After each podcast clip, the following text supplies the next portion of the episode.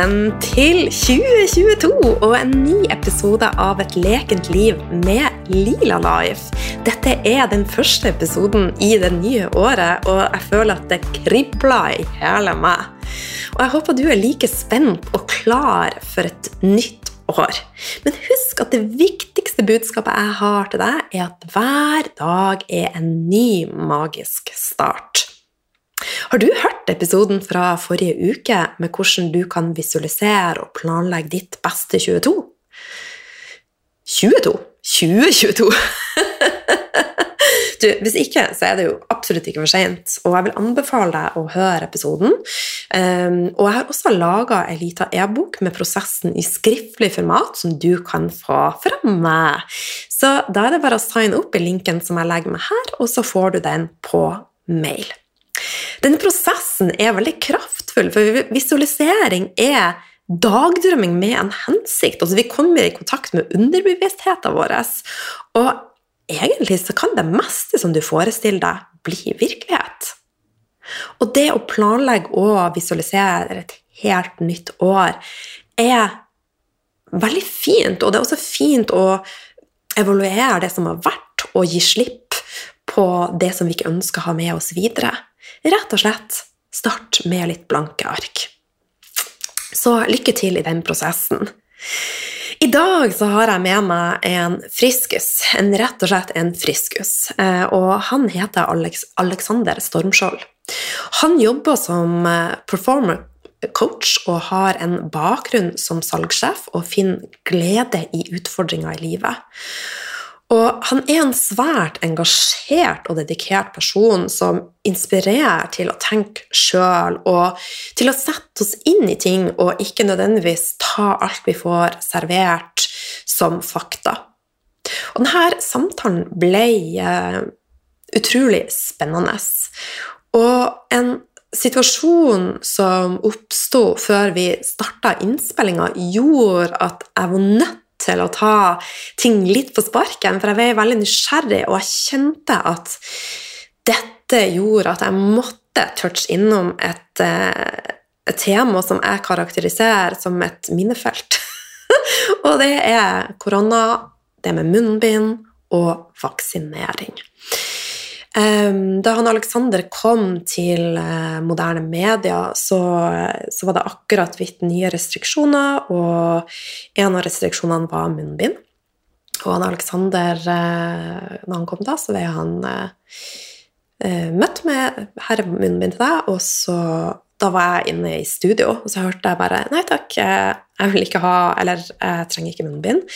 For det første så har jeg hatt korona, og for det andre så har jeg brukt eh, veldig mange timer å lese meg opp på munnbind, og eh, det er ikke noe som jeg vil bruke. Og det gjorde at jeg bare uh, Du vet at du kjenner at det begynner liksom å det blir litt sånn ubehagelig, men samtidig så tenkte jeg wow!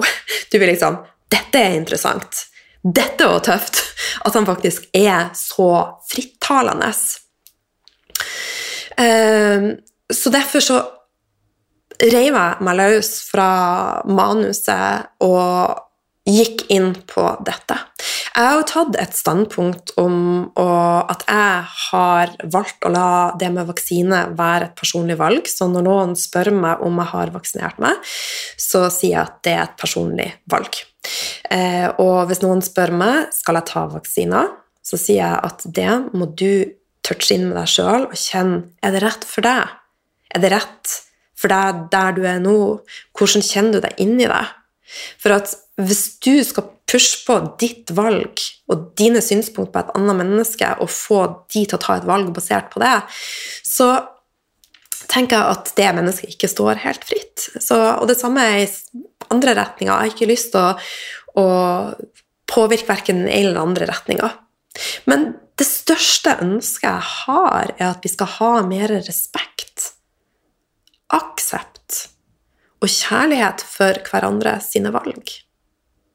For at alle har vi ei historie bak.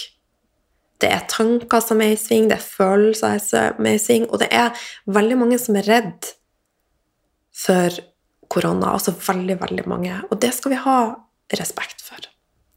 Og så har vi mange som er redd for vaksiner. Skal vi ikke ha respekt for det? Det som er en realitet, er at det er mye frykt som sirkulerer.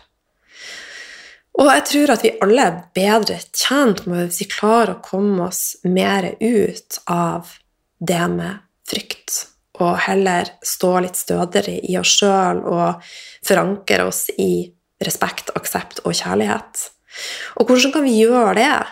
Eh, mine beste tips er å ikke la være å informere deg sjøl, men ikke marinere deg sjøl i nyheter, for det er det samme som går om og om igjen. Men få med deg eh, det viktigste. F.eks. noen nye retningslinjer som kommer, eh, og ny mutasjon. Altså sånne type ting som Men jeg ser og hører veldig lite nyheter, men likevel så får jeg oppdateringer. Jeg får oppdateringer fra de som, som vil at jeg skal eh, få med meg dette. Og, så vi vil alltid bli informert på en eller annen måte. Så jeg har lyst til at 2022 skal bli et år med mer av disse tre ordene. Respekt, aksept og kjærlighet. Og jeg syns det er veldig trist at eh, det harseleres i alle mulige retninger, at man eh, henger ut folk som ikke tar vaksine. Henger ut de som har tatt vaksine.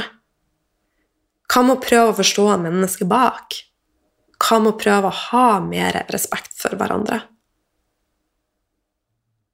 Og vi er òg veldig frustrert når noen sier at 'du ødelegger for meg'. Altså, vi kan aldri ødelegge for noen andre. Og jeg tenker noen andre kan ikke ødelegge for deg. Da, det, da har vi en jobb å gjøre hvis vi setter så mye ut på andre mennesker. Um, så dette er mine tanker, og hvis du kjenner at dette trigger noe i deg, um, så er det også helt greit, men da spør deg sjøl hvorfor blir du trigga. For det er ganske interessant. Jeg har blitt veldig mye roligere i 2021, og jeg ser at det er så å si ingen som kan påvirke meg til å bli sint, eller Men de kan få meg til å tenke, og de kan få meg til å, å reflektere, og de kan få meg til å uh, gå dypere inn i ting. Og det er også en ting før du tar et valg. Educate yourself, altså les i begge retninger om vaksiner, uh, om, um, om alt, da.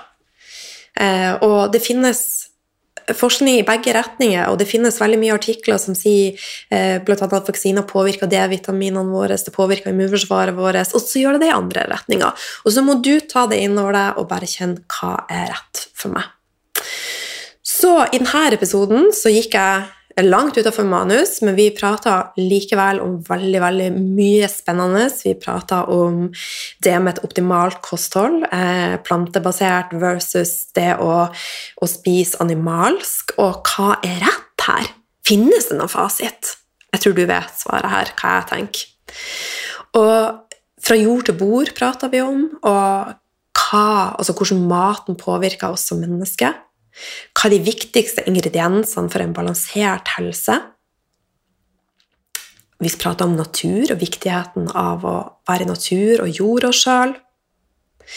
Det å oppleve motgang eh, for at livet er et Det er ikke bare high vibe, det er et aspekt av følelser, og det vil gå opp og ned. Vi snakker om takknemlighet. Vi snakker om munnbind. og vi snakka om korona, og vi snakka om mye mer. Så med dette så sier jeg bare god lytt. Så utrolig hyggelig å ha deg med, Aleksander. Tusen takk. Det er veldig spennende å bli invitert, så det er gøy, det. Så bra. Du, aller først, før vi eh, tar et dypdykk i hvem du er og blir litt bedre kjent på deg, hvordan starta du dagen din i dag? I dag, ja, skal jeg være helt ærlig, I dag så uh, våknet jeg klokken 04.45. Oh my god! Og det var ubevisst, da. Det var ikke meninga. Uh, hadde egentlig bare klokka tre timer søvn, og så ble det plutselig en pangstart på dagen, da. Så det har vært en sånn, litt sånn ureglementert oppvåkning og, og start på dagen i dag. Men det som jeg har brukt for å prøve å ankre meg litt i det da, og være klar, ikke minst for podkasten og sånn også, det har jo vært en liten fysisk treningsøkt mm. eh, og en kalddusj, rett og slett. Bare for å mm. komme ut av det der eh, moduset som jeg våkna opp i. Ja. Men normalt sett så sov du lenger? Normalt sett så står jeg opp i sjutiden. Ja, Mm. Ok. Veldig viktig å klokke liksom mellom syv og ni timers søvn. Det prøver jeg å følge ganske slavisk. og Mm. Det er også mye fordi at jeg ikke har gjort det tidligere i livet, Mm. og merket veldig konsekvensen av det, da, å ikke ta vare på seg selv, nødvendigvis. Ja. Men har du type faste rutiner i forhold til kosthold og sånne type ting på morgenen? Ja, altså jeg faster. Jeg er veldig glad i periodisk fasting, for det funker veldig bra for meg. Mm. Um, jeg har aldri vært noe sånn frokostmenneske, Nei. så da har det vært liksom veldig enkelt og lett da, å adaptere den, uh, den tilnærmingen. Mm. Så jeg kjører Når det kommer til kosthold og sånne type ting, så kjører jeg egentlig en liter med vann på morgenen. Gjerne med sitron eller ingefær eller et eller annet sånt noe. Og så drikker jeg en kaffekopp. Og så vet jeg til jeg kan begynne å spise da senere på dagen. Ja. Og hva er en typisk eh, start, da? En typisk start er meditasjon. Ja. Jeg er en ganske sånn høyenergisk eh, person, eh, så for min del så er det veldig greit å begynne dagen med litt ro og prøve å ankre litt sånn, ja, grounde seg selv egentlig litt, Mm. for min del. Mm. Så jeg starter dagen med 20 minutter meditasjon, Mm. Um, og så blir det fort kalddusj etter det, og så kaffekoppen kommer kanskje til slutt, da. Og så setter jeg opp en plan for hva jeg skal gjøre for dagen. Mm. Så det er sånn cirka sånn den første timen ser ut. Så herlig. Mm. Jeg har også begynt nå å meditere. Nå er jeg på 22 minutter, og målet mitt er å komme opp til en time, da. Ja. Jeg merker at det bare gjør en stor forskjell. Og i dag, sorry, nå skravler jeg litt, da, så opplevde jeg for første gang på lenge at jeg faktisk bare var. Det var ingen tanker. Jeg bare Hvor er dere hen, tanker? det var nesten sånn at det ble litt sånn for stille i hodet mitt, men det var så deilig. Ja, det er kult. Det er veldig gøy. Ja, helt fantastisk. Men du, vi har litt lyst til å bli bedre kjent med deg. Kan ikke du fortelle oss eh, litt mer om deg sjøl, og litt om de reiser, og hva som gjør at du er der du er i dag, og litt Ja. Mm, mm. Ehm, tja, altså jeg, ja, jeg har vokst opp og hatt en tilnærmet egentlig normal oppvekst, i hvert fall ifølge altså, Innenfor mine egne øyne, i hvert fall. Um, hadde ganske mye utfordringer da jeg var yngre. Mm. Egentlig da, altså, Nå snakker vi om jeg var barn og tidlig tenåring, og det var egentlig fordi jeg hadde mye overskuddsenergi. Mm. Uh, skilte foreldre, som mange andre har, men uh, hadde mye sinne. Jeg var ganske sinna da jeg var liten, rett og slett. Mm. Um, var aldri sinna på andre. Jeg lot aldri gå utover liksom, mm, folk på min egen alder, men jeg var sinna på omgivelsene, og sinna på skolen, og sinna på lærerne, sinna på mor og far. Og så ja, Så det på en måte har, har kokt litt inn i meg hele tiden. Da. Og jeg vet liksom ikke om det var, om det ble manifestert som sinne, eller om det egentlig bare var en indre drivkraft som ikke fikk utløp. I hvert fall ikke på noen tradisjonell skole. Aldri likt å sitte stille. Men eh, det er i hvert fall, det preget meg mye da, opp igjennom. um, ikke minst så ble jeg mobba i flere år, og det var liksom sånn Det var mye greier, da, på en måte. Men eh, jeg valgte veldig tidlig da å kanalisere det gjennom at eh, jeg skulle ikke la meg knekke, da. Jeg fikk liksom tidlig et valg mellom å være offer eller være en som, som, som dro hardt videre. Og da valgte jeg det siste, for, det, for meg i hvert fall så var det mer styrke i det, og det var lettere å cope med virkeligheten da. Um, og det la jo et fundament da, for en ganske tøff tilnærming innenfor min egen syke. Uh, og det har jeg jo sett at det har vært både styrken min, men også svakheten min. Styrken veldig på mange måter, det som har på en måte drevet meg frem. da, og Begynte tidlig med trening, med vekter. Jeg fant styrke i det å være sterk fysisk. Um, jeg bygde ganske tidlig en veldig sånn hard mental innstilling. da. Det var stå opp, gjøre det, bang, bang, bang, bang, bang, bang. Jeg hadde kun kontroll på meg sjæl og, og alt det jeg måtte gjøre. Og det, det holdt jeg liksom en sånn militær disiplin på, nesten. da. Eh, egentlig fra tenårene allerede. Og det fant jeg trygghet i, og det liksom var med å bygge kanskje ja, mitt, mitt fundament, da, min base, ikke sant. Og så var det på en måte kanskje, det har jeg innsett i, i senere tid, da, men at det var fort eh, min måte å skape trygghet på, da. Når jeg egentlig var ganske kanskje usikker på en del ting, og det var mye usikre elementer rundt meg, og mye utfordringer og sånne type ting, så skapte jeg liksom en, et safe space for meg selv gjennom å kontrollere det jeg kunne, og fokusere på meg sjæl og min egen styrke og, og sånne type ting, da. Um, alltid vært veldig fysisk. Uh, vært glad i trening. Det har liksom vært litt min medisin, da. Mm. Nesten min meditasjon, da. Det er der jeg liksom fant huh, ro i, i hverdagen når jeg kunne trene. Og så ble jo Forsvaret veldig naturlig for meg. Jeg tenkte lenge på å bli politimann, brannmann, alle disse tingene. Mm, var i førstegangstjenesten. Uh, hadde det utrolig gøy der. Syns det var helt topp. Uh, fikk tilbud om utenlandstjeneste. Uh, vurderte veldig sterkt å søke det inn, men og jeg kjenner veldig mange som gjorde det. Jeg har ekstremt respekt for soldater og alle de som har gjort det, men Mm. på det tidspunktet så var det ikke riktig for meg. Nei. Um, så da Da ble jeg dratt videre, rett og slett. da. Og så havna jeg egentlig sånn, litt tilfeldig inn i salg, men jeg har alltid hatt pratetøy i orden, som du kanskje hører. Er vi i familie, eller? Ja, godt mulig, godt mulig. Nei, jeg var ve veldig artikulert og ble, ble presentert for bøker ganske tidlig av min mor. Eh, Så jeg har alltid hatt et godt ordforråd og, og energien som gjør at eh, skravla går. Så da var salg en naturlig vei å gå, og så hadde jeg veldig på en måte en naturlig driv for det. da. Fikk min første salgssjefsrolle som 21-åring. Skulle da bygge opp en ny avdeling innenfor strømsalg for Hafslund, og så skulle jeg plutselig bygge opp en ny en for Norges Energi, og så rulla det egentlig bare på seg.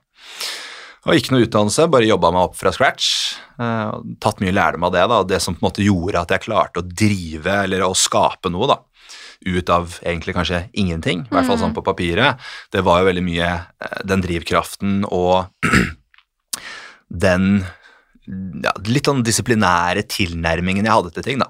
Det var liksom, det var altså utfordringer. Ja, ja, bring it on, liksom. Det er bare å prøve hardere, jobbe hardere, jobbe lengre. Eh, prestere da, på et høyere nivå enn de rundt deg som kanskje sitter på mer teoretisk erfaring. Men jeg visste veldig tidlig da hvor mye fysisk kapasitet jeg hadde. Så, så det var liksom ja, mye av det som på en måte satte i gang reisen min. da. Mm. Og så har jeg jobba med det her, da, eh, eller altså med salg, de siste, siste ti årene, egentlig. Og så var det vel egentlig siste halvannet året, kanskje, siste to årene, at jeg kjente at jeg bare åh, Mye coaching inn mot øh, selgere. Syns det var veldig gøy, veldig givende, men jeg ble litt lei av å alltid måtte rette det inn mot bedriftens beste. Mm. Det ga ikke meg så mye, egentlig, ikke sant. Nei. Og så så jeg at det var liksom sånn man, som, som og da var jeg altså partner i selskapet, og som bedriftseier så er det sånn ah, du, du må hele tiden veie da din og bedriftens interesser opp mot den ansattes interesser. Og så fant jeg etter hvert ut at eh, jeg var klar egentlig for å heller coache og, og kunne kun bygge mennesker. da. Jeg er keen på at de skulle være den beste utgaven av seg selv. Og jeg var keen på å kunne anbefale de å slutte i jobben da, hvis jeg så at det gagnet de. Mm. Ikke prøve å få de til å bli fordi de var en ressurs. Og Faktisk få de til å følge sin vei. Mm, ikke Ja. sant? Og hvis den veien ikke var hos, hos oss i min bedrift, så, måtte, så, ja, så var det noe jeg ønsket velkommen. Da. Og det var det ikke rom for der hvor jeg jobba. så, så hvis vi drar over de siste ti årene litt sånn røftlig kjapt, så er det egentlig sånn det har vært. Og det har vært litt av starten. Og så i dag så sitter jeg og jobber som performance coach. Mm. Eh, driver og bygger opp eh, hva skal man si, en, en klientellkrets, og ikke minst prøver å feile litt for å finne ut av nøyaktig hvordan jeg mener at jeg i hvert fall kan maksimere potensialet til de jeg jobber med. Og det har vært utrolig spennende, kjempelærerikt. Eh, Jeg har alltid vært veldig interessert i helse, kropp, ernæring. Og helt fra jeg var liten, så var jeg liksom alltid han irriterende lille kisen som bare 'Hvorfor det? Hvorfor det?' Skulle alltid spørre, ikke sant? Det var også sånn. Uh, ja, så det er liksom sånn Det har definert mye av meg, da. Ja. Så alltid liksom alltid, alltid hatt det spørsmålet, hvorfor det? Ja. Og når jeg skjønner hvorfor, så har jeg alltid vært sånn, å, kan, kan jeg gjøre det bedre? Kan jeg optimalisere det? Kan jeg gjøre det raskere? Kan jeg, kan jeg være best i det? Mm. Så Men det er en veldig god egenskap på mange måter. mm, Ja. mm. Men de første årene, eh, og i hvert fall tenårene, sånn, så var det jo mye hardhet, og det var mye regime. Mm. Har det blitt et skifte der? Har du mykna mer opp? Ja, altså jeg har jo det. Altså Man må jo litt det på et eller annet tidspunkt. I hvert fall føler jeg selv, da. Mm. Hvis man skal se seg selv i speilet og Hvis man skal være bredspektra, da, ikke sant. Eh, Du har jo mange coacher der ute. Det er jo ikke en, en eh, beskyttet tittel, og det er veldig mange forskjellige varianter og perspektiver. Og, og det er jo bra, og, men for min del så ønsker jo jeg eh, å kunne på en måte tilby en tjeneste til alle. Jeg er keen på å kunne se alle og tilby eh, coaching til alle. Eh, og da må man jo også utforske alle aspekter av seg selv. Mm. Og jeg har jo vokst opp i en røff pakke og vært gjennom mye greier. Eh, så jeg visste liksom veldig godt hvordan man kan Ok, jeg vet hvordan jeg kan jobbe liksom eh, ja, jobbe veldig systematisk da, for å få folk til å bli Mm. bedre.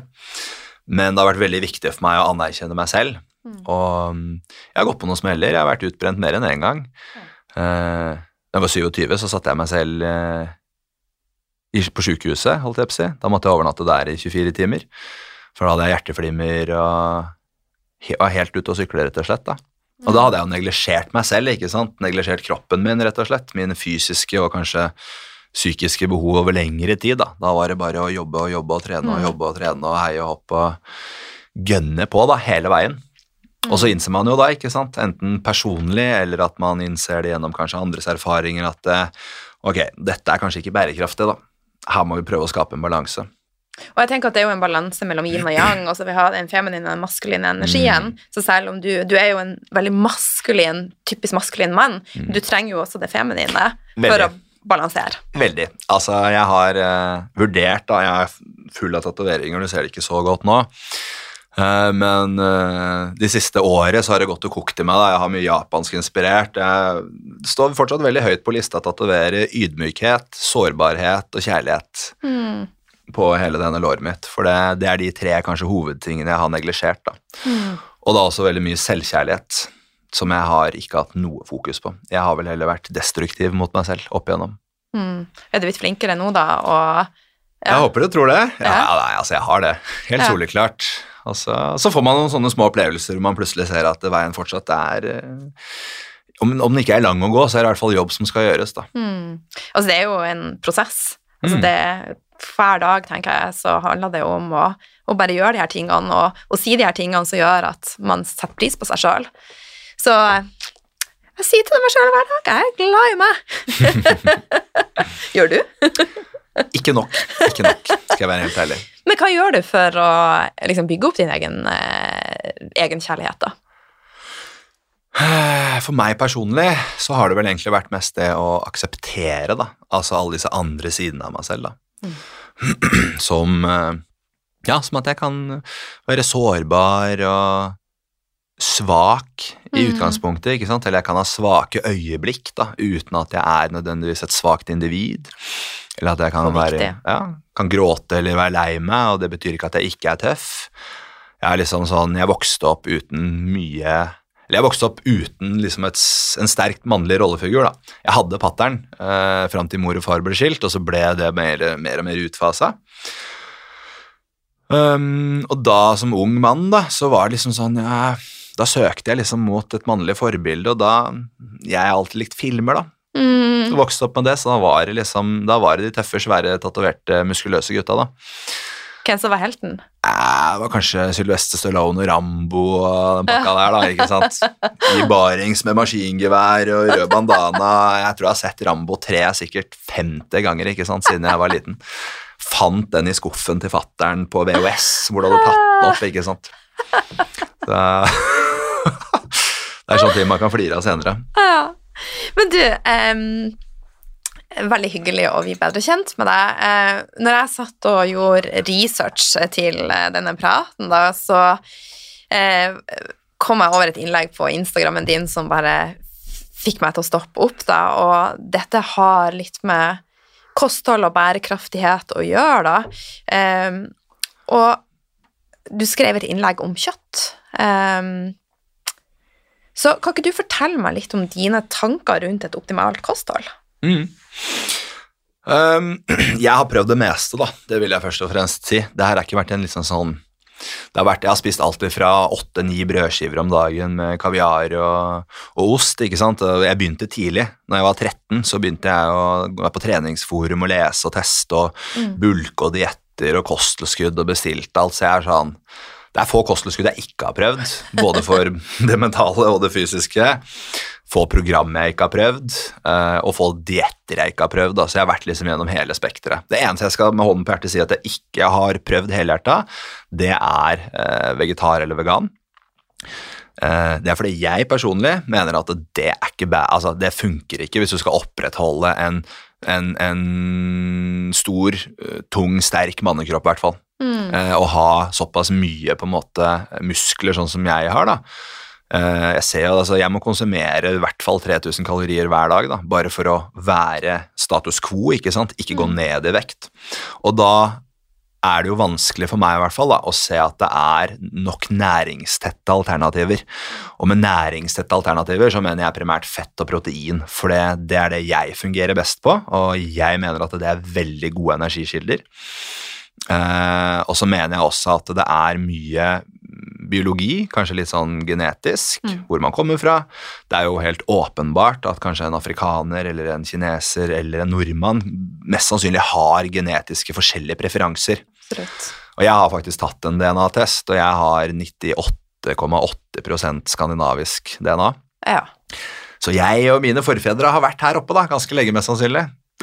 ja. Så det er liksom eh, litt sånn huntermat, da, Ja, ikke sant? Og da, Ja. da ser jeg liksom, for meg da, så er det i hvert fall naturlig å se på hva er den naturlige faunaen her oppe. Mm. Hva er det jeg og mine forfedre og mitt DNA har vokst seg på, da? Mm. Eller overlevd på, rett og slett. Og det er jo det er vilt, ikke sant? I alle forskjellige former. Det er jo rikt viltliv her oppe.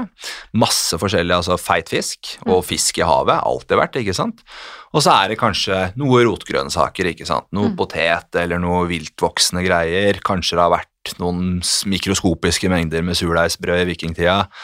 Men det er liksom primært animalske proteinkilder, da. Og så er det selvfølgelig fett, altså eh, bær, nøtter, sånne type ting, ikke sant.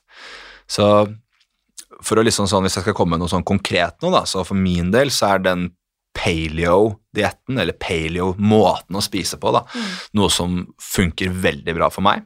Og den er egentlig veldig enkel. Den går egentlig bare ut på at den tar eh, grunnlag i da, hvordan vi spiste før i tida.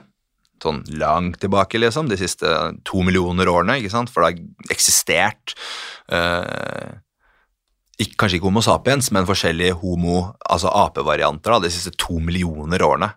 Og da har vi spist primært det vi kan jakte eller sanke. Og det er det jeg bygger det på, og det funker veldig bra for meg. Mm. Men hva er en typisk frokost for deg, da? Altså, Jeg vet jo at det ikke er på morgenen, men Mm. når du først spiser ditt første måltid Ja, Nei, Jeg spiser jo to måltider sånn i utgangspunktet, og det første måltidet da, det er eh, Veldig ofte så er det basert på f.eks. egg. Egg avokado. Det er en killer, syns jeg. Kjempeenkelt, kjempegodt. Bare lage eggerøre med en seks-sju egg, putte oppi Seks-sju egg! Ja. Oh my god! Uh, ja, nei, det må i hvert fall til, uh, for min del. da. Ah, Og det som også mange ikke tenker på, da, som jeg synes faktisk er ganske kult, altså sånn viktig perspektiv, eh, og apropos sånn næringssett og sånn også, det er det at eh, protein, da, selv om det er animalsk eller ikke, så metter det mye mer, ikke sant? Og fett metter også veldig mye, ikke sant? Fett har det høyeste, altså kaloritettheten, eh, og protein, det har jo røffelig 20-25 eh, høyere da eh, kaloriforbrenning enn f.eks. karbohydrater da, eller fett. Og med det så mener jeg det at du kan spise mer og få bedre metthetsfølelse, og samtidig ikke legge på det. Uh, og det er helt essensielt for alle byggeprosessene i kroppen, ikke sant? Proteinsyntesen i alt av bindevev, muskler, regenerering av celler, alt det vi har, da. Og sånn for en, et sånt interessant eksempel er at hvis du spiser 70 eller si 100 kalorier da, i hvilken som helst matvare, og hvis det er i eh, protein, så er det bare 70% du tar opp. 30% det går bare til å konsumere det. Det er energi som på en måte bruker for å konsumere det. Så ergo så kan du spise mer, du føler deg mettere. Så uansett om det er plantebasert eller hva du er, som er blitt veldig inn nå til dags, så mener jeg i hvert fall at alle burde utforske en mer høyproteindiett. da. Både for å ha bedre stabilt blodsukker, mer energi, mer overskudd, føle seg bedre. Ikke minst er det veldig mye mer enkelt å bygge muskel, muskler. Veldig, veldig fine innspill. Eh, men det som jeg ofte hører, er jo typ eh, Men kjøttet legger som en klump i magen, jeg føler meg så tung i kroppen, og eh, da er jo mine første tanker fordøyelse. Mm. Hva kan vi gjøre for å supporte fordøyelsen? Mm, mm. Magesyre, enzymer. Hva er dine tanker her? Helt enig. helt Ja. enig. Og her skal det også sies, ikke sant, enten du går den ene eller den andre veien. Eh, så altså, kroppen er jo altså, adaptiv, eh, Mm. og f.eks. hvis du har spist eh, mer carbs og korn og whatever da, en Mm. periode, så tar det i hvert fall kanskje fire-fem uker hvis du går over til en uh, kjøttdiett før egentlig magen begynner å produsere de riktige enzymene for å bryte ned ordentlig. Mm. Så man må være litt tålmodig. Man kan ikke spise kjøtt i en uke og så tro at ja, men det funker ikke for meg, for da har du ikke prøvd. ikke sant? Mm. Eh, Det er nummer én. Og nummer to så er det jo som du sier, da, eh, tarmhelse og magehelse. Kjemperelevant, veldig viktig, veldig underprioritert. Mm. Eh, Og har du spist f.eks. masse vegetabilske oljer, da, masse, altså for eksempel, altså, og veldig mange produkter inneholder det til dag, da. Masse carbs, masse sukker, masse vegetabilske oljer. Rapsolje, solsikkeolje, alle disse tingene, det er ikke optimalt. Og da får du også nesten alltid nedsatt tarmfunksjon. Og da sier det seg selv at hvis du har nedsatt tarmfunksjon, så vil det være tyngre og kanskje føles mer ubehagelig å sette i gang da f.eks. å spise kjøtt som krever mer bedre fordøyelsesprosesser. da. Mm. Jeg har klart å trent opp systemet mitt, for jeg har levd på type paleokost i mange, Mm. mange år, Kult. og altså, var skikkelig lavkarbo. Mm. Eh, men jeg starta med dette i 2003, da. Mm. Eh, og nå har jeg liksom klart å Altså, jeg har fått en fleksibel metabolisme, så jeg kan switche fra det ene til det andre uten at det gir meg noe, liksom. Så jeg spiser mye plantebasert, men jeg spiser kjøtt og egg hver eneste dag, for jeg føler meg liksom hel som menneske, da. Mm. Så jeg kan godt gå på Sorry, men kan liksom gå på Raw eller Happy Foods og kjøpe meg suppe, men så drar jeg hjem og putter kjøtt i det. Jo, jo, men altså, jeg er helt med, da. Det der syns jeg er helt innafor. Det, er sånn, det, det bør jo ikke liksom sånn Jeg har vært nesten allergisk mot suppe. ikke sant? For jeg bare, herregud, jeg blir ikke mett av det, må drikke to liter. Ja, ja, Men så kan du bare putte oppi litt kjøtt. Ja. Bacon eller hva søren, liksom, og så blir det kjempedigg. ja. Og da er det jo også noe med kvaliteten, for at når jeg får spise kjøtt Jeg har fryseren full av, av kjøtt, men da er det av ordentlig kvalitet, som er gressfôra, og der jeg vet liksom at dyrene har hatt det ok. Mm. Ja. Jeg er veldig enig. da. Jeg kan bare gi kort innspill på det. og det er det at Jeg er helt enig, og det er jo superrelevant. Mm. Kvalitet fremfor kvantitet. Og viltkjøtt, gressfora, økologisk, alle disse tingene. Kjempeviktig. For selv om jeg er kjøtteter, så er jeg veldig interessert i dyrevelferd og at det skal være etisk. Jeg kjøper ikke svin, nærmest, hvis ikke jeg vet nøyaktig hvor den kommer fra. Jeg kjøper ikke Gilde, uansett hvilket produkt det er. Kyllinger, med mindre det er heløkologisk, liksom, så, så kjøper jeg det ikke. For jeg syns det skal være fair og ordentlig, og derfor er jeg veldig glad eksempel i jakt. ikke sant? Mm. Ja. Jeg hørte faktisk eh, en podkastepisode med en av gründerne, eller ikke gründerne, en av de som var første veganerne i USA, og har vært litt sånn hardcore. Og så starta han et, et, et eh, altså en farm, og de hadde dyr og sånn, og etter hvert så skjønte han altså det var et eller annet sånn- sånn at bare, han fikk en sånn åpenbaring om at det å spise dyr er jo en naturlig del av vår livssyklus, Mm. men han endra perspektiv. Altså når de først spiste kjøtt, så var han bare så grateful og så, sånn ekstremt takknemlig. Og, ja, så det tenker jeg òg at jeg har, hel, jeg har respekt for alle valg, men jeg kjenner at i hvert fall det med å spise kjøtt og egg og alt sånt er kjempeviktig for min helse. Men vi er forskjellige. Men jeg syns det er så viktig, da. Og jeg tror alle som er øh, oppegående, så får folk putte sin egen øh, betegnelse på det, men alle som er oppegående, skjønner jo at det er forskjellige preferanser, og det bør ikke være Men det er der jeg egentlig, det er der jeg mister noen, da, for jeg Og det er sånn Jeg snakket senest om det i går eh, med, en, øh, med en jeg kjenner, og det er det at øh, de som er kunnskapsrike, de har ofte veldig høy toleranse og forståelse for andre, og de er veldig forsiktige med å komme ut med fasit. Med en gang folk begynner å legge fram en, enten en ideologisk overbevisning om at det er sånn og sånn er, og du er altså ferdig, eller at nei, det er liksom sånn, dette er fakta, og det er sånn, da faller jeg ofte litt av, og jeg synes det er sånn, litt sånn, det er fort en, en indikator da, på å se egentlig om folk er, eh, hvor kunnskapsrike de er, og hvor på en måte mye aksept de har for andres perspektiv da. Og Det er faktisk en av de tingene som har Nå har jeg vært ernæringsterapeut siden i 2008. En av de tingene som har endra seg, er at jo mer jeg vet, jo mindre føler jeg at jeg kan. Mm. Så det er liksom Det har vært en åpenbaring for meg. Jo, men det er det, ikke sant? Ja. Og det er, det er det jeg mener. ikke sant? Du, de som kan mest ofte, det er også ofte de som er sånn Ok, dette er det jeg tror, dette er det gode researchdata på, men Mm. vi er syv milliarder mennesker, det er forskjellige systemer, forskjellige preferanser. Mm. Så det er liksom sånn Jeg tror det er viktig, da. At eh, man, og det er mye sånn Hvis vi skal snakke litt større, så syns jeg det er mye polaritet i Absolutt. samfunnet i dag. Og det blir så utrolig dumt å sitte på hver sin side og kaste stein. For det er sånn Det kommer det ikke noe konstruktivt ut av, da. Nei, jeg så enig. Så jeg er liksom sånn Ja, de som er vegan eller raw food og noe av dyreforkjempere og hei og hopp, det er sånn kjempebra.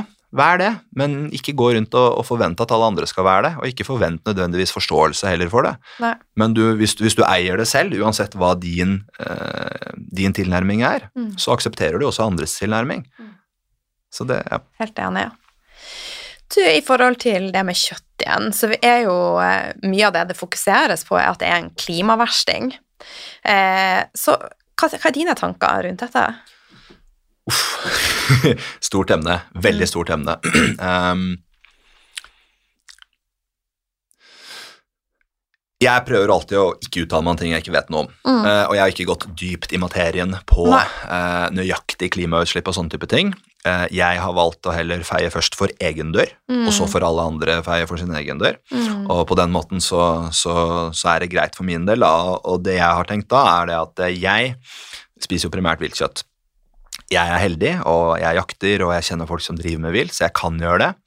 Men eh, det jeg har lest av forskning, og eh, så finnes det veldig mye indikatorer og mye statistisk altså, og forskningsbaserte eh, studier også, og ikke minst førstehåndserfaringer fra bønder, så er det jo det at i det store bildet så er det jo eksepsjonelt lite strategisk for jorda som organisme å drive med det som f.eks. heter monocropping, og bare knuse på med plantebasert, plantebasert, plantebasert, samme avlingen år etter år etter år etter år. etter år. Det drar ut alt jordsmonnet, altså alle næringsstoffer og mineraler, det, det, det svekker hele jordsmonnet. Mm.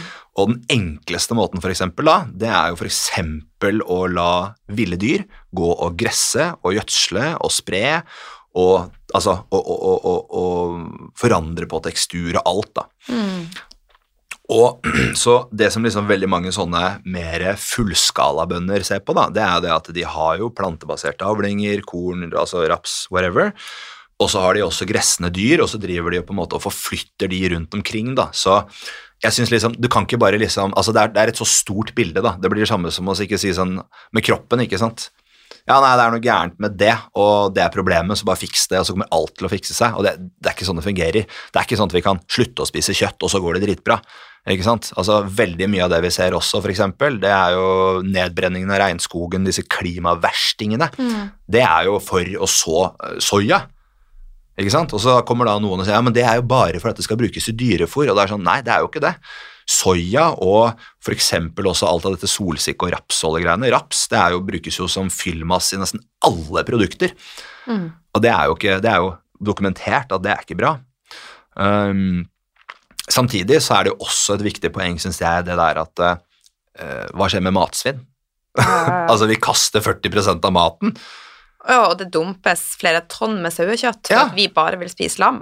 Ja, ikke sant? Altså, og, uh, det, er, det, er så, det, er så, mange skrudde tilnærminger her. Da. mm. det, er liksom, Mm. det fins ikke ett svar med to streker her. Uh, men jeg, jeg tror at det er mulig å ha en etisk, økologisk, sunn, frittgående tilnærming til kjøtt og disse typer dyrene.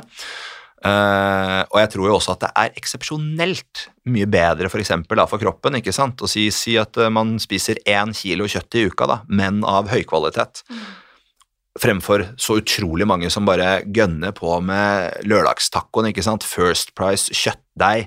De spiser egg og kylling annenhver dag. De gønner på med burgere. altså Det er det som på en måte er usunt, og det er det som på en måte eh, påvirker også, tror jeg, da, veldig mye av produksjon og sånne type ting. Mm. Og hvis vi også da hadde kunnet eksempel strupe ned matsvinn, ja, da hadde vi jo ikke trengt å produsere så mye, da.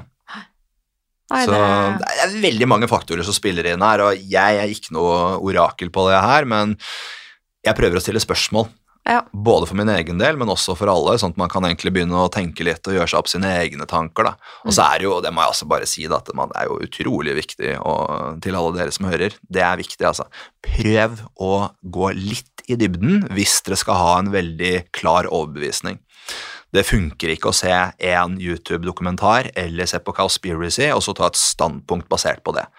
Det vil jeg anbefale. Så uansett hva standpunktet ditt er, gjør litt research, sett av et par timer, og så kommer det til å føles mye bedre, og så står du faktisk litt stødigere i meningen din, da. Hmm. Det fikk jeg jo et eksempel på når du kom inn her. Jeg får lyst til å nevne Ja, ja. Han ville ikke ta på, Alexander ville ikke ta på seg munnbind, for han har lest veldig mye om det. Så fra det ene til det andre, jeg tenker, vi kjører på på den podkasten. Del, hvorfor skal vi ikke bruke munnbind? Nå blir jeg sikkert slakta. Altså, jeg, jeg er sunn og frisk og rask. Jeg har ikke noe problem med å dele det her, for dette er et viktig ting å dele, syns jeg. Og jeg, nummer én, og det irriterer meg at jeg må si det høyt, men jeg er ikke noen vaksinemotstander. Selv om det kanskje noen oppfatter det som det, men jeg har ikke tatt vaksinen. Kommer ikke til å ta den heller med det første. Skal ikke si at jeg ikke kommer til å ta den på et eller annet tidspunkt, men den som ligger ute nå, det er ikke et alternativ for meg. Og det er min kropp, den er det jeg som bestemmer over. Og det er den tilnærmingen vi bør ha til alt som har med det her å gjøre. Amen. Ja, ikke sant? Og for eksempel det med, med, med munnbind. Jeg forholder meg til, til norsk lov, jeg, og det er én meters avstand. Og hvis ikke det er mulig å overholde én meters avstand, så går ikke jeg inn der. Så enkelt er det. Det er det standpunktet jeg tar. Og det er jo for eksempel fordi at munnbind det har ingenting med aerosmol smitte å gjøre. Det fins ingen medisinsk konsensus, og vær så snill å sende inn til deg, da, hvis noen der ute mener at de har forskningsrapporter som viser at munnbind eh, er noe som minsker eh, smittespredning, eller eh, muligheten for aerosolsmitte. For det har i hvert fall ikke jeg sett. Eh, Men det som jeg sa til deg når jeg kom inn, da, det som det derimot foreligger masse data på, det er jo det at du har uh, opptil 23% dårligere oksygenopptak. Og da sier det seg selv at immunforsvaret blir ikke veldig happy hvis du skal drive og gå rundt og late som at du bestiger en 7000 meters topp, ikke sant. Gå konstant på lite oksygenopptak, da, en åttetimers arbeidsdag. Det er jo i hvert fall ikke gunstig for helsa di. Og så er jeg veldig, som sagt, ikke sant, jeg gjør forskning, og ikke bare spis alt som du blir servert. Og um, jeg tror sikkert at uh, myndigheter og media, altså alle gjør sikkert det de tror er best. Det er sikkert sikkerhet som står i førersetet, men vi skal ikke blinde oss selv på at de alltid vet best, for det at uh, de som styrer landet vårt, det er politikere. Og det er mange, mange tilfeller hvor vi ser at uh, medisinsk uh, råd og tilnærminger er forbigått til fordel for politiske tilnærminger. Og da begynner jeg å si sånn, ok, da kommer jeg til å ta et skritt tilbake, og så kommer jeg til å ta og danne meg min egen mening. Mm. Og så tar jeg konsekvensen av det. Så Nei, nei, jeg, mm, mm. Og grunnen til at jeg bare vil at du delte dette, er jo for å vise også at du går i dybden på ting. Og så eh, Jeg har bare bestemt meg i forhold til vaksine. Jeg er ikke noen motstander eller ja, verken i den eller andre retninger. Eh, og jeg har ikke snakka om at jeg har tatt vaksine eller ikke. Jeg har egentlig ikke så veldig lyst til å gjøre det. Men det jeg har lyst å, å dele, det er jo at som du sier, at vi må være flinkere å respektere og akseptere hverandre. For alle har vi våre egne reiser. Noen er redd vaksiner Mm. for at de har lest hvordan det påvirker immunforsvaret. Skal vi da, eller de som har tatt vaksiner, være forbanna på den personen for at den er redd? Det er jo ikke fair. Og skal vi være forbanna på noen som tar vaksiner for at vi syns det er idiotisk? Nei. Og de som tar vaksinen, gjør det jo fordi de i utgangspunktet er redde. Mm. Det er, frykt, det er mye ja. fryktbaserte greier her, da, og det, det er ikke nødvendigvis en Det er ikke da du nødvendigvis tar de beste avgjørelsene. Og det skal også sies da, da det er sånn, Jeg skulle nesten ønske at det ikke hadde skjedd, eller selvfølgelig skulle jeg ønske at det ikke hadde skjedd, men sånn at jeg Mm. ikke visste om det. For det forsterket jo bare disse tingene som jeg allerede hadde lest veldig mye om, og Mm. gjort meg veldig mange oppfatninger om. Men eh, en god venn av meg, han døde jo av vaksinen for eh, ja, seks uker siden. Nei. Jo. Ung mann, 37 år. Ikke noe medisinsk, eh, altså ikke noe, ikke noe sykdom, ingenting. Én dose Pfizer. 24 timer etterpå, hjertestans, død. Så jeg sier ikke ting helt uten grunn her heller, ikke sant. Jeg har begravd en av mine venner fordi han tok én dose vaksine, så ikke kom her og fortell meg at det Nei, det er bare tull, det er bare konspirasjonsteori, ikke sant.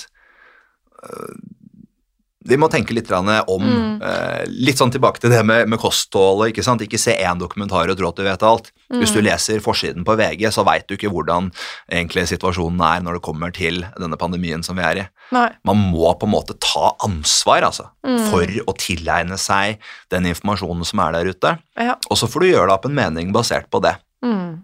Og så er det jo viktig også å få med at det er jo de som dør av, av korona også, og som er, har mye senskader. Så det er jo to aspekter her, da. Yes, ikke Ja. sant? Og det er det. Mm. det er sånn, og, og jeg, da, jeg har jo jeg har, ikke, altså, jeg har nevnt det på profilen min. eh, Jeg har hatt korona. Mm. Jeg var syk i pff, ti timer. Jeg Ja. følte meg rar på en fredag. Følte meg, og så hadde jeg verk i kroppen på lørdagen. Sovna halv fire på lørdag og våkna opp klissvåt av svette. Helt fin. Mm. Tok en negativ PCR-test fire dager etterpå. Da var det ikke påvist i kroppen min engang. Og jeg skjønner at det, det ikke er representativt nødvendigvis for den generelle eh, til, altså, sykdomsbildet. Men igjen, her er det også sånn det foreligger så mye data, det er så, og det er, det er reell data som går fra FHI, fra CDC i statene. Det er veldig mye Hva skal si det på en veldig politisk korrekt måte? Det er, det er veldig mye tolkning av data der ute, da. Og Mm. det må man huske på at det driver også og, ny, altså avisene og nyhetene med. Mm. For det er journalister, det er media, det er klikk, det er headlines, det er eh, mandater, det er eh, politiske retninger.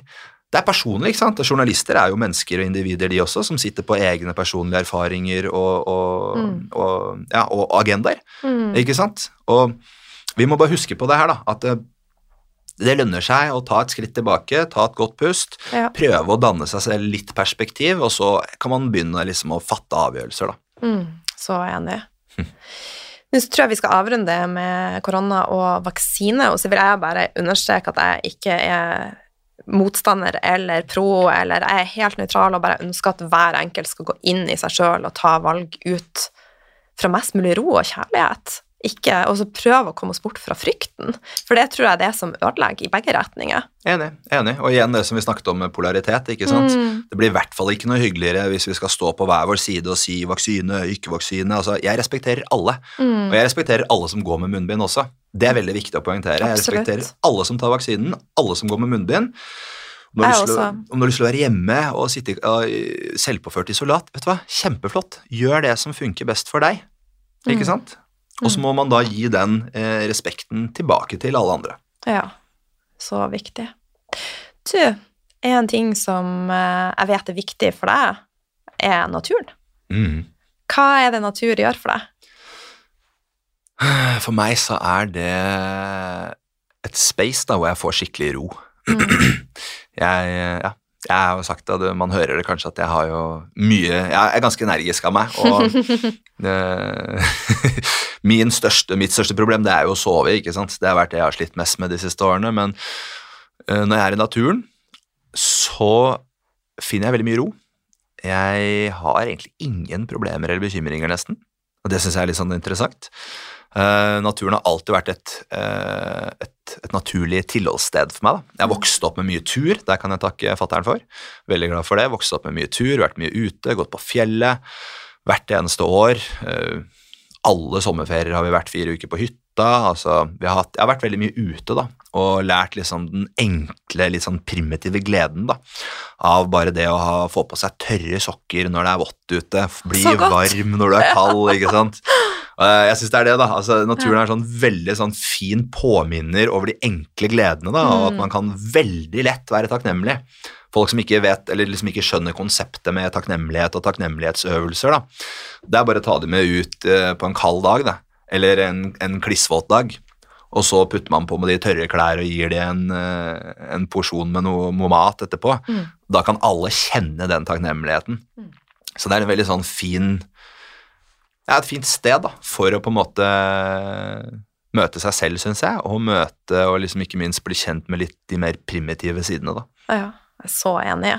Hva er, liksom, er du ute i naturen stort sett hver dag, eller? Eh, Jeg har en hund Ja. eh, på snart syv år som heter Balder. Eh, han er rimelig energisk, han også, så han, han skal helst ha tre timer ute. Så jeg er ute og går hver dag. Wow, tre timer. Mm. Mm. Ja.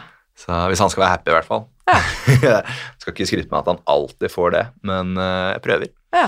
Jeg bor heldigvis ganske nærme marka, så jeg prøver å være liksom innom skogen i hvert fall én gang om dagen. Gå tur. Jeg har vel snitta på en åtte-ni kilometer de siste ja, siden jeg fikk han, da, kanskje, om dagen. Ja. Um, og så er jeg veldig glad i å komme meg ut på ski, jeg er veldig glad i å fyre bål. Uh, ikke minst marsje. Det er jeg fortsatt veldig glad i. Det passa meg veldig bra i Forsvaret, f.eks. For Mm. Tung sekk og støvler og ut liksom og bare gå. Da, da løser jeg mye ting oppi hodet mitt underveis, altså. Mm. Hva er dine favorittområder sånn rundt Oslo, da? Jeg er jo akkurat flytta til Oslo. Ja, eh, Favorittområder det er, Jeg er litt sånn feil person å spørre, vet du. For jeg er sånn jeg, Når jeg er ute i skogen, så er jeg eksepsjonelt opptatt av at, at det ikke er folk der. Det er det viktigste for meg. Jeg må innrømme at jeg får helt fnatt av Sognsvann, f.eks. Eller eh, steder hvor det er for mye campere. da. Ja. Så når jeg er ute, så prøver jeg alltid å gå utafor stier, litt vekk. Men når det er sagt, så er det jo masse fine utgangspunkt fra eh, både folk, altså både oppgåtte stier, men også steder uten folk. Eh, I Sørkedalen syns jeg er veldig greit, og Mm. Maridalen. Mm. Der har du liksom gode utgangspunkt da, med alle mulige forskjellige turer og, og stier. Ja, spennende. Jeg skal teste ut. Men jeg, liksom, jeg har jo vært veldig mye i naturen de siste årene, og har liksom øvd meg på å klare å finne roen uansett hvor jeg er hen. Så det, Før så var jeg liksom sånn at jeg måtte på de her stedene der det ikke var mennesker. Mm. Eh, mens nå har jeg klart å knekke en kode som gjør at jeg klarer liksom å finne ro i Oslo også. Mm. Så derfor tenkte jeg jeg må faktisk bare teste ut å bo her. Mm. Ja, så det har vært eh, fint så langt. Deilig. Ja, men du, når vi snakker om mat, eh, at det er en viktig nøkkel for ei god og balansert helse, natur, er det andre faktorer som du tenker er, er viktig for denne godfølelsen og Jeg tror at det å bli komfortabel med ukomfortable ting, Mhm. det tror jeg er viktig. Og det er ikke sikkert at det er viktig hver dag, eller kanskje hvert år en gang, men når du møter utfordringer, og alle møter utfordringer, store eller små, altså det, og det, det er liksom det er jo forskjellig fra individ til individ. ikke sant? Det som jeg ser på som små utfordringer, kan være kjempestore utfordringer for noen andre, eller vice versa. Og Poenget mitt er bare det at eh, vi kommer til å møte utfordringene i livet på en så utrolig mye bedre måte hvis vi har allerede vært litt nede og kjent på hvordan vi responderer på ting som er ukomfortabelt, eller på ting som vi ser på som, som en utfordring. da. Så det å på en måte enten litt grann daglig, eller kanskje et eventyr hver en gang i måneden. ikke sant? Altså, Det kan være små ting. da. Er du redd for kulda? Det skal ikke være noe sånn tøffing-greie, men ta ti sekunder kalddusj, da. Du, jeg har badedrakt med meg. Jeg skal faktisk skal bade etterpå Du, det er dritbra, da. på Aker Brygge. Ja, ja, men det er konge. Jeg er veldig fan av det, ikke sant. Og der har du også sånn, jeg, ja, Når du tok det opp, så er det jo ikke noe å legge under en stol at jeg er veldig glad i, eh, i kaldbading og kalddusj, for det er liksom en veldig enkel faktor. da. Den er gratis, den er tilgjengelig for alle, og det blir ikke noe bedre, så du må kjenne på den ubehageligheten hver dag. da. Mm. Men hvis du bruker 60 sekunder på det, da, så er du mentalt bedre rusta for utfordringer resten av dagen. Mm. Du, og så er det jo mye Det her er jo litt av eh, avsporing, da, men det er jo veldig mye snakk nå om strømpriser, at det er så sinnssykt dyrt. Og jeg syns faktisk det har vært litt sånn godt å kjenne på at det har vært kaldt i leiligheten, Mm. for så å ha det varmt og kjenne liksom på Strøm er faen meg ikke en selvfølge. Nei, nei, Nei. Og så for å være takknemlig. Mm. Så jeg liksom Ja, det har åpna et nytt vindu for meg, og liksom bare se ting på en litt annen måte òg. Mm. Og så, så leste jeg òg at en dusj kosta faen meg Nå sa jeg faen for andre gang. Unnskyld! Unnskyld. kosta 11 kroner per dusj nå. Og det er såpass, ja. ja. Men det var litt sånn Så nå nyter jeg dusjen, altså den varme dusjen, Mm. veldig mye mer. Mm. Ikke for at jeg er gjerrig, eh, for jeg liksom har et abundance mindset, altså. Jeg bare tenker at ja, det skal flyte. Mm. Eh, men det, det gjør at jeg setter litt mer pris på ting. Mm. Jo, men også sånn Jeg tror også at du kan få mye eh, Hva skal man si Mye ut av, da, i hvert fall. Eh, det å leve litt mer begrenset til tider. Bare selvpåført. Ikke nødvendigvis fordi at det er nødvendig, men bare selvpåført. Begrense litt, grann, ikke sant? for da, da gjør det som du sier, da. Veldig også en sånn enkel ting å gjøre at man blir litt mer takknemlig, da. Mm. Kutte ut eh, noe f.eks. i to uker. Og så smaker du på det på nytt, eller du gjør det for første gang på to uker, og det er sånn åh, shit, det er godt, da, det jeg gleder meg til. Ja. Og det gjør at du, ja, at du kan vekke den, den gode følelsen litt lettere, da. Ja, det er jo litt sånn, så, så Vi lever jo i et overflodssamfunn, Mm. altså der vi er underernært, og så er vi overfed. Mm. Og da setter vi jo ikke pris på ting. altså Vi kjenner jo ikke de her smakene, og vi blir liksom bedøva, tror jeg, og Mm. bare tar ting for gitt. Ja. ja. Nei, vi har mye å prate om, altså. Ja, ja, ja. Mye spennende. Ja, men du, livet det går jo opp og ned, og som du sier, altså, det er jo ikke bare good vibes. Altså, vi har et register av følelser, og du delte også i høst at du har møtt litt motgang. Kan ikke du fortelle litt om det, og også hvordan du møter motgang? Ja, eh, nei, altså det, jeg, det er jo morsomt. Man får liksom alltid Eller jeg syns i hvert fall det har blitt litt sånn. Man får det man skal ha, da. Det er litt sånn som jeg har slått meg til ro med også. Eh, og det er eh, Det er et budskap, altså det, det er hovedbudskapet det jeg nå skal måtte dykke litt inn i. Men det er det at um, hvis man begynner å tenke på at man får det man skal ha, både av bra ting og dårlige ting, uh, så er det mye lettere å akseptere det. Og da tar man bort hele den offerrollen også. Mm. Det er veldig viktig, for hvis du er et offer for alle konsekvenser, du er et offer for livet, folk er slemme mot deg, og du får ikke det du fortjener, og du får ikke den mannen eller kvinnen, og søren heller, ikke sant? Da er, sånn, da er du i en offerposisjon, og da kommer du aldri til å få det du egentlig har lyst på heller, da.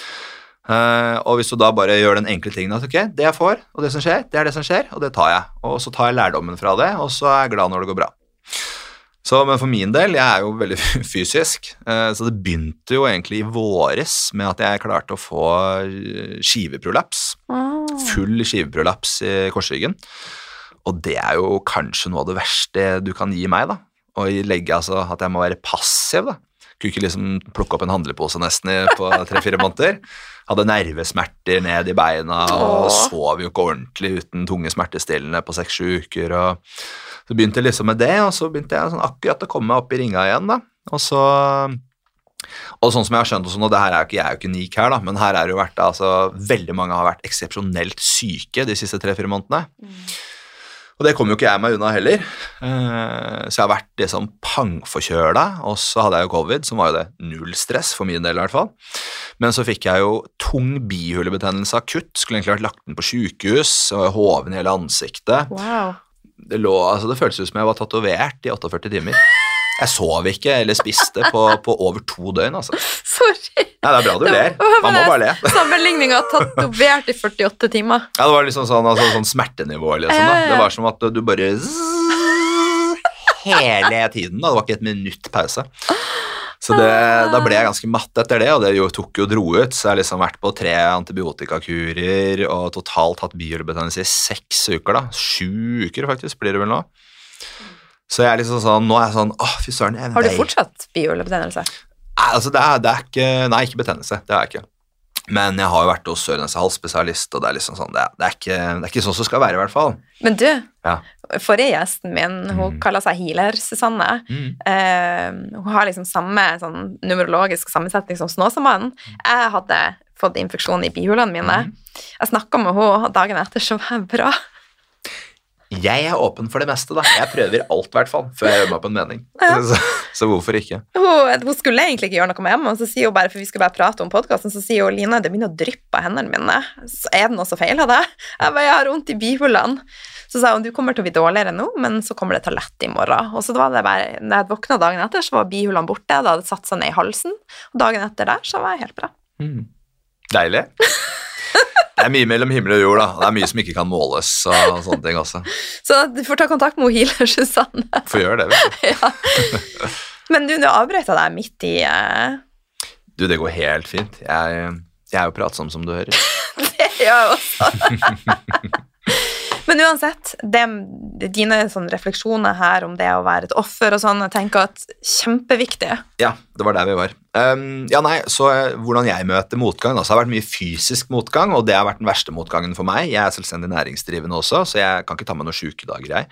Eller jeg kan jo gjøre det, men da, da blir ikke regningene betalt. ikke sant?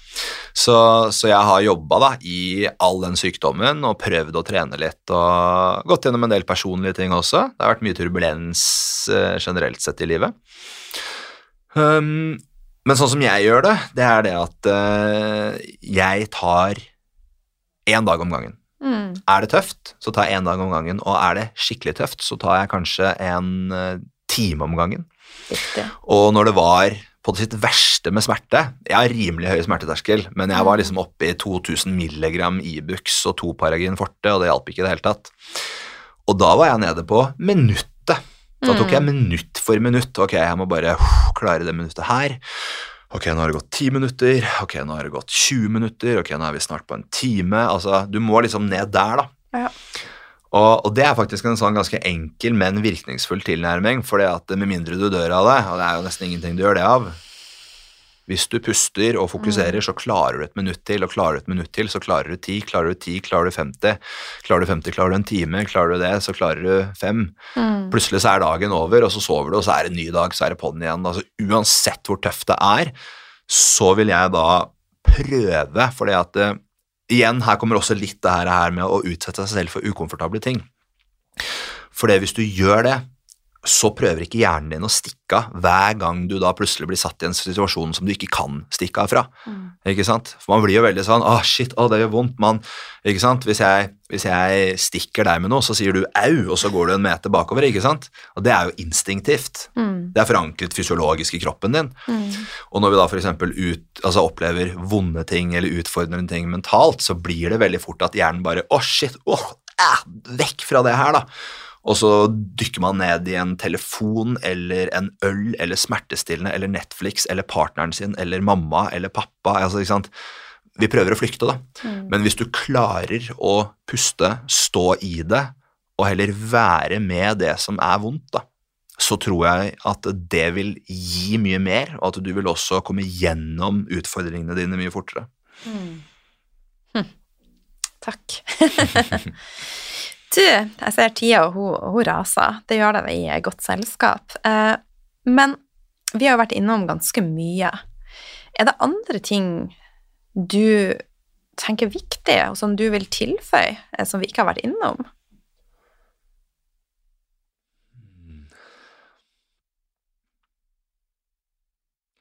Ja, det er, eh, det er jo mange ting. Det spørs liksom helt. da. Livet er stort. Livet er veldig bredt. Mm. Jeg pleier av og til å Jeg liker litt galgenhumor, så jeg pleier ofte å si at livet er galskap.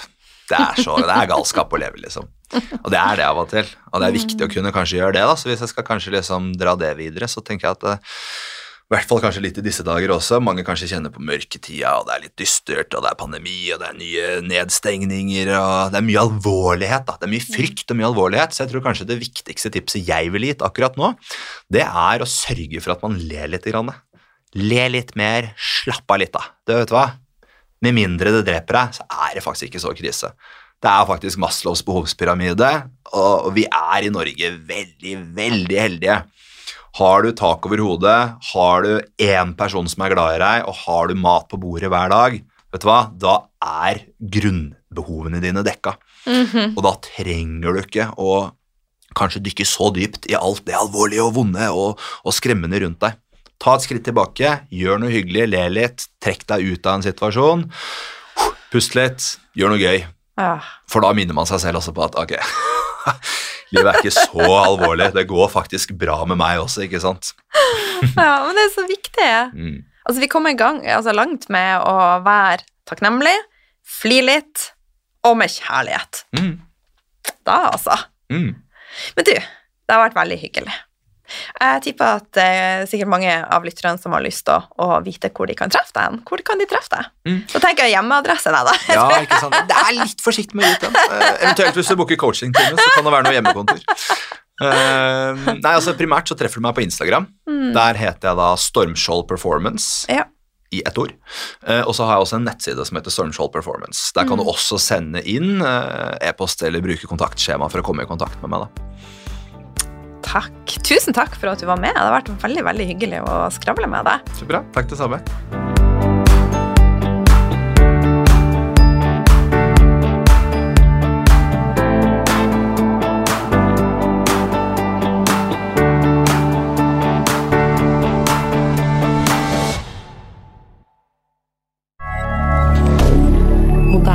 D'accord.